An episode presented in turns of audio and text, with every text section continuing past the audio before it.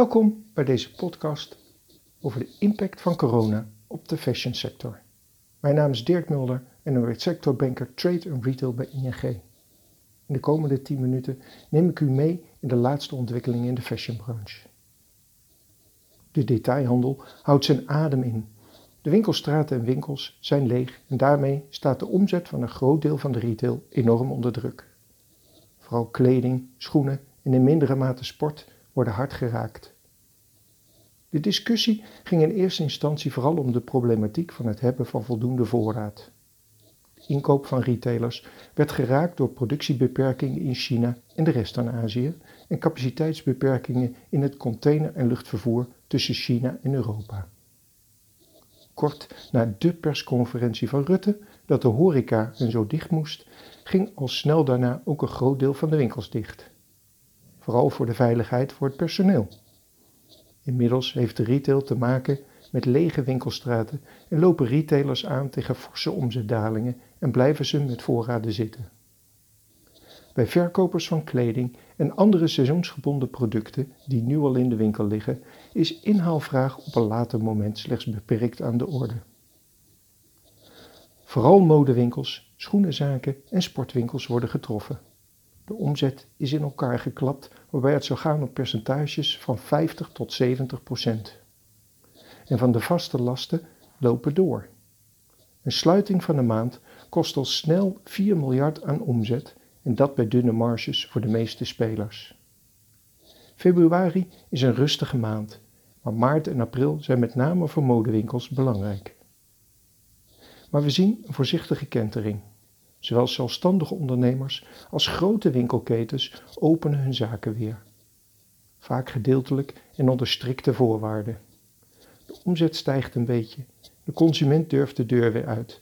Veel winkeliers hebben oplossingen bedacht voor de anderhalve meter economie. Het zijn daarbij met name kleine winkelgebieden die nu als eerste profiteren. In drukke, grote winkelstraten is de min nog het grootst. Van bijvoorbeeld de Kalverstraat heb je natuurlijk een beeld in je hoofd van een massa mensen. Die mijden veel consumenten dus nog. De opleving gaat nu het hardst, vooral in kleinere winkels en buurtcentra en zo. Klanten lopen de deur nog niet echt plat, maar personeel in de winkels ziet dat veel mensen wel weer zin hebben om te winkelen. Handelaars lopen even binnen of mensen komen langs omdat ze echt op zoek zijn naar iets. Dat je bijvoorbeeld een beveiligingscheck met een nummertje eraan krijgt om het aantal klanten te beperken, daar kijken mensen niet meer van op. Bij veel retailers staat nog voor een kapitaal aan kleding. Kleding die nu eigenlijk naar de winkels zou gaan. Door de coronacrisis is het nog maar de vraag wat ervan verkocht zal worden. En dus blijven ze met voorraden zitten, die ze wel moeten betalen. En hoewel de verkoop via de webshop toeneemt, maakt dat de misgelopen inkomsten lang niet goed. Voornaamste zorg is nu dan ook de cashflow. Er moet voldoende geld zijn om te kunnen blijven betalen.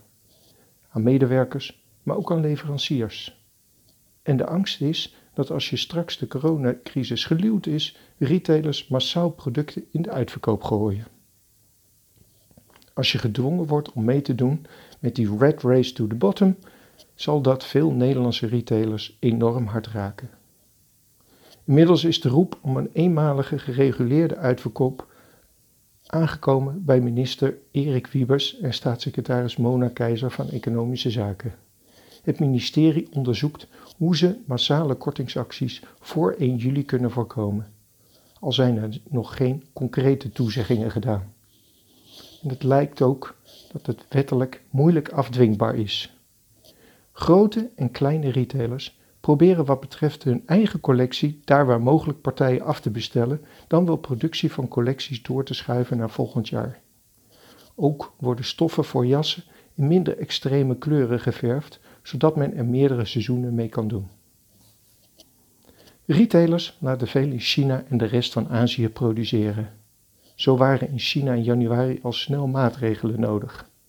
Een deel van de productie uit China werd verplaatst, onder meer naar Turkije en India, landen die later ook met allerlei coronamaatregelen te maken zouden krijgen. Zo veranderen de markt en de supply chain met de dag. En ondertussen moet je ook aan de toekomst denken. Er wordt nu bijvoorbeeld hard gewerkt aan de wintercollectie. Dagelijks moet er geschakeld worden waar het beste de orders kunnen worden ondergebracht. Doordat er door de coronacrisis veel minder kleren verkocht, staan, verkocht worden, staan fabrieken in kledingproducerende landen stil en dat heeft negatieve gevolgen. Nu de meeste winkels dicht zijn en consumenten de hand op de knip houden, krabbelen veel merken terug wat betreft de bestellingen die ze al hebben uitstaan bij Aziatische fabrieken. Zelfs voor kleding die al in de haven ligt, willen sommige merken niet meer betalen of er worden hoge kortingen gevraagd. De vraag is of dit eerlijk is wanneer beide eh, partijen door dezelfde overmacht getroffen zijn. Een deel van de merken gaat er wel goed mee om. Ze vragen misschien om uitstel van betaling, maar ze zijn bereid de kleding die al klaar is, zoals afgesproken, te kopen en fabrieken te compenseren voor afgezegde bestellingen waar ze ook kosten voor hebben gemaakt, zoals ingekocht textiel. Human Rights Watch noemt onder andere Hennes en Maurits en Sahara als merken die hebben gezegd betalingsafspraken na te zullen komen. Door heel Azië zijn kledingfabrieken in de problemen door de coronacrisis. Volgens een rapport zou zo'n 1 miljoen arbeiders van fabrieken in Bangladesh al tijdelijk zonder salaris op straat staan. In Myanmar zo'n 20.000 en ook in Cambodja zouden tienduizenden dreigen hun inkomen te verliezen.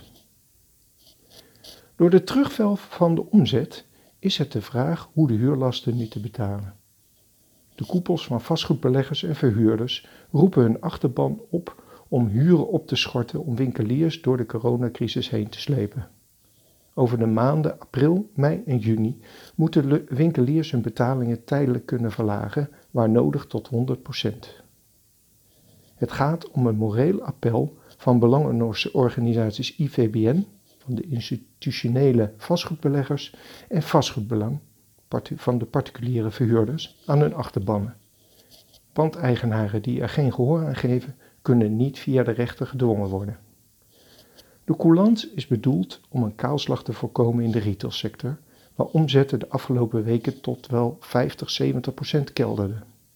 De opvatting is dat veel winkelketens de komende weken omvallen zonder huurkorting, met als gevolg een langdurige leegstand.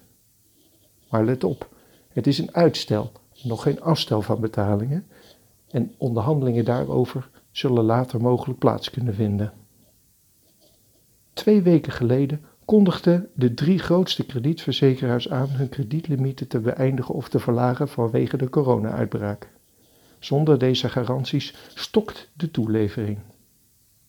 Vele tientallen winstgevende ketens, waaronder Brantano, Nelson, Omoda, Van Tilburg Mode en Zinks, kwamen de afgelopen dagen klem te zitten doordat kredietlimieten werden ingetrokken of verlaagd.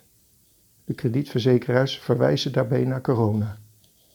Voor ondernemers is een verzekering op bestellingen een absolute voorwaarde om de schappen gevuld te houden en de nieuwe collecties aan te kopen. Het intrekken van de kredietlimieten heeft dan ook impact op de kredietruimte of liquiditeit van ondernemers. Gelukkig is inmiddels bekendgemaakt dat het kabinet nog eens 12 miljard beschikbaar stelt als borgstelling van de overheid. Die moet ervoor zorgen dat de retailers op krediet kunnen blijven bestellen bij toeleveranciers. De garantieregeling is hard nodig aangezien verzekeraars en banken terughoudend zijn geworden om de betalingsrisico's af te denken. Een formeel besluit zal later nog worden verwacht. Hoewel de eerste paniekerige fase van wegvallende omzetten niet voorbij is, zijn veel winkeliers dus al druk bezig met fase 2, het aanpassen aan de nieuwe werkelijkheid. Ook na 28 april zal fysieke veiligheid voorop staan. Veel winkelketens zetten in op online bezorging. Zelfstandigen bundelen in veel steden en dorpen hun kracht. In Doetinchem en Hilversum hebben ze een website met lokaal aanbod en een eigen bezorgservice opgericht. Een soort thuisbezorgd.nl, maar dan voor winkels. Daarnaast zijn er natuurlijk nog de maatregelen in de winkel zelf. De gezondheid van personeel en klanten staat voorop. Het is mogelijk om binnen de RIVM-regels toch nog wat te verkopen, met de nodige voorzorgsmaatregelen in de winkels. Om echte afstand te garanderen kiezen veel modeketens voor kopen op afspraak. Bij onder andere Vanilla en Suit Supply kunnen klanten een tijdslot reserveren voor personal shopping. Ook facetimen met klanten is een mogelijkheid. Een personal shopper loopt voor jou door de winkel terwijl je achter je scherm meekijkt. Daarna wordt de kleding thuis uh, gebracht. Je kunt alles op zicht houden. Betalen komt later. En consumenten kunnen op afspraak voor openingstijd komen winkelen. Geheel privé. Schoenenwinkel van Haren kiest juist voor 100% zelfbediening om contact tussen klant en medewerker te minimaliseren. De ontwikkelingen in deze coronacrisis gaan het consumentengedrag in de fashionbranche veranderen. Volgens de experts.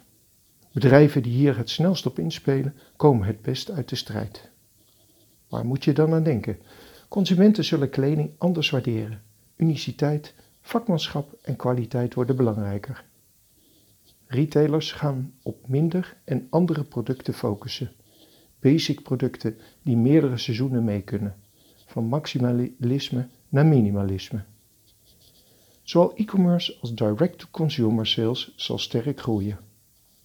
Het gat tussen winnaars en verliezers in de retail zal sterk toenemen. Supply chains zullen anders worden ingericht. Risicospreiding wordt belangrijker. Bestaande businessmodellen worden sterk onder de loep genomen. Pure offline discounters zullen de boot gaan missen. Een nieuwe levensstijl zoals meer thuiswerken, vraagt om comfortabelere kleding. Voor meer informatie verwijs ik u naar de site van ing.nl, de impact van corona op de non-food retail. Mocht u vragen hebben, dan kunt u contact met mij opnemen op dirkmulder.ing.com of mobiel op 06 11 380 971. Ik dank u voor het luisteren.